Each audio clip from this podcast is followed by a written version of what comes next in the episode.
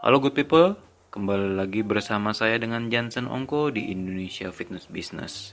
Pada kesempatan kali ini saya akan membahas topik yang sangat penting sekali untuk seorang personal trainer pahami, yaitu cara mempromosikan jasa personal training Anda dengan baik. Jadi banyak sekali yang tidak memahami bahwa bahasa promosi itu sangatlah penting. Kenapa? Karena mereka atau para coach pikir cara menyampaikan itu bisa asal-asalan saja. Misalnya uh, saya available for hire atau misalnya jasanya hmm, silahkan hire saya sebagai personal trainer kamu atau dapatkan paket personal training dengan harga yang murah atau personal trainer available for hire eh, itulah intinya bahasa-bahasanya terlalu sederhana sehingga seperti jualan ala kadarnya kalau bisa saya ini ya uh, simpulkan gitu loh. Kenapa ini bahasa-bahasa yang harus dihindari dalam mempromosikan jasa personal training Anda?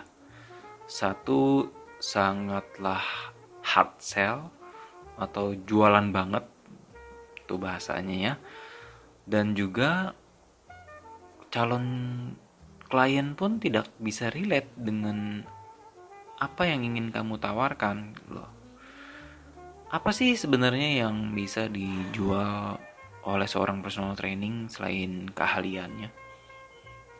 Kalau misalnya kita bikin list aja, daftarnya adalah satu kita menjual jasa, kedua kemudian kita akan mengatakan program designing tentunya dari personal training itu, Ketiga, kita akan bilang nanti progresnya akan di track atau di ini ya dituliskan progresnya perjalanan dari perkembangan latihannya dan yang terakhir paling assessment. Nah dari jasa jualan jasanya dalam program desainingnya, tracking progress, assessment itu disebut dengan fitur fitur yang akan diperoleh oleh seseorang saat mereka meng-hire seorang personal trainer. Nah, kalau misalnya kita mempromosikan jasa kita di di empat hal ini saja, jadi orang juga sulit untuk bisa connect dengan apa yang ingin kita tawarkan kepada mereka. Cara yang paling efektif itu adalah bagaimana menyentuh sisi emosional dari calon klien kita. Nah, bagaimana cara menyentuh sisi emosional itu adalah dengan menjelaskan manfaat atau benefit dari fitur yang kita sebutkan tadi. Misalnya, uh, available for hire. Misalnya personal trainernya available untuk dipekerjakan. Kenapa sih harus hire seorang personal trainer?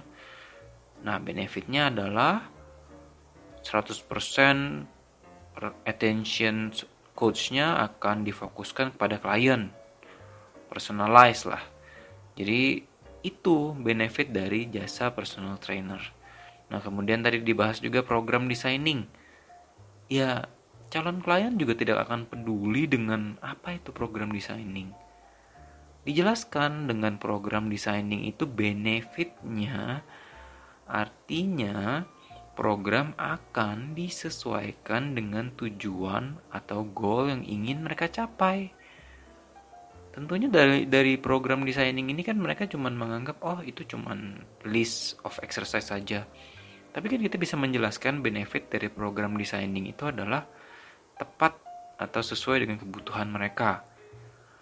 Lalu berikutnya tracking progress gitu. Kalau kita cuma menjelaskan nanti kalau misalnya hire jasa saya sebagai personal trainer, saya akan track progress kamu. What for gitu. Benefitnya kembali lagi harus dijelaskan. Dengan tracking progress, maka kita bisa melihat perkembangannya, naik turunnya, perubahan berat badannya, kemampuan, kekuatan, dan lain-lain itu lebih jelas dan tertulis. Itu yang yang dijelaskan benefitnya dari tracking progress. Jadi tidak hanya sampai fiturnya saja yaitu tracking progress.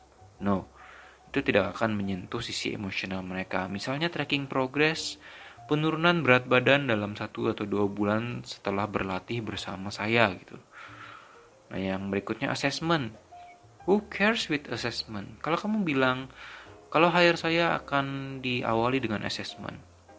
Ya, apa? Assessment itu benefitnya apa?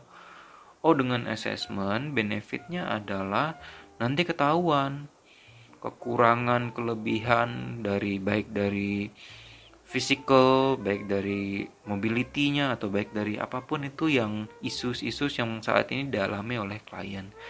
Dan assessment itu akan menciptakan kalau dihubungkan ya akan menciptakan program designing yang sesuai dengan kebutuhan. Nah itu bagaimana caranya kita bisa tidak hanya menjelaskan fitur dari jasa yang kita tawarkan saja karena untuk menyentuh sisi emosional dari calon klien kita kita harus menjelaskan manfaat-manfaat tersebut. Jadi jangan pernah dikira bahwa oh mereka juga ngerti manfaatnya. Enggak. Nggak sama sekali. Jadi calon klien itu have no idea apa yang akan mereka peroleh dengan hiring seorang personal trainers. Nah that is our job our duty kewajiban kita untuk menjelaskan apa saja benefit atau manfaat yang akan mereka peroleh dengan hiring seorang personal trainer. Nah, ini upayanya bisa melalui lisan, bisa melalui tulisan, apa pun itu, selalu tekankan kepada benefit. Nah, kapan kita harus menjelaskan fiturnya saja? Itu di saat kliennya meminta hal-hal yang teknis. Misalnya sudah terjadi transaksi, kemudian Anda menjelaskan fitur-fitur dari layanan yang Anda berikan. Nah, itu nggak apa-apa tapi di saat awal-awal itu paling efektif adalah dengan menjelaskan benefit atau manfaat dari jasa yang Anda tawarkan. Kalau misalnya hal ini terbalik, fitur duluan daripada manfaat, makanya mereka tidak akan bisa connect secara emotional level dari calon klien terhadap jasa yang kita tawarkan.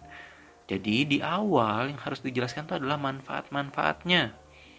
Nah, Contoh paling mudah sebenarnya adalah jualan mobil. Ini mobilnya uh, tiga dua atau tiga baris tempat duduknya. Ya kalau misalnya cuma sampai sana saja itu cuma fitur. Oh empat uh, tiga sampai uh, dua sampai tiga baris tiga baris itu artinya bisa muat satu keluarga misalnya. Itu kan benefitnya. Kemudian kursinya bisa dilipat yang paling belakang. Oh ternyata barang-barang yang size-nya besar bisa muat di mobil tersebut. Nah, itu fitur dan manfaat. Jadi, setiap kali Anda bikin caption atau apa pun itu materi promosi, jangan lupa fitur and benefit, eh, fitur and manfaat itu harus benar-benar diteliti, dipahami, dan bahasa-bahasanya itu harus disesuaikan. Kapan harus menjelaskan fitur, kapan harus menjelaskan manfaat. Nah itu aja sharing saya untuk episode kali ini. Berikutnya saya akan menjelaskan untuk membership, untuk grup kelas dan lain-lainnya. Tapi pada episode kali ini adalah untuk khusus personal training. Semoga bermanfaat dan sampai jumpa di episode berikutnya.